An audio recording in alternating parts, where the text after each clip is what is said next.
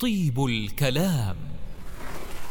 الكلمة الطيبة مغنم والكلمة الخبيثة مأثم وقد ضرب الله لهما مثلا فقال ألم تر كيف ضرب الله مثلا كلمة طيبة كشجرة طيبة أصلها ثابت وفرعها في السماء؟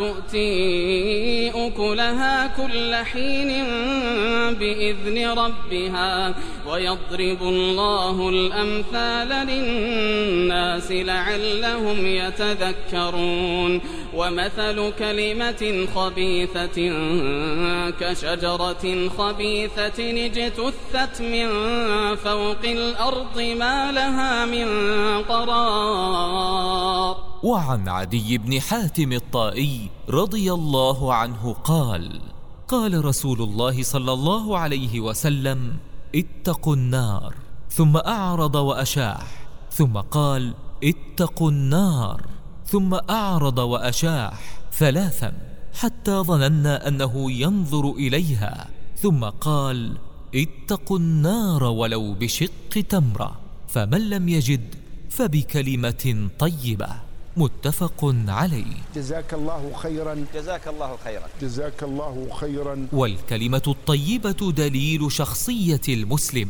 فعن عبد الله بن عمرو رضي الله عنهما قال قال رسول الله صلى الله عليه وسلم المسلم من سلم المسلمون من لسانه ويده والمهاجر من هجر ما نهى الله عنه. متفق عليه. فضائل الأعمال. فضائل الأعمال.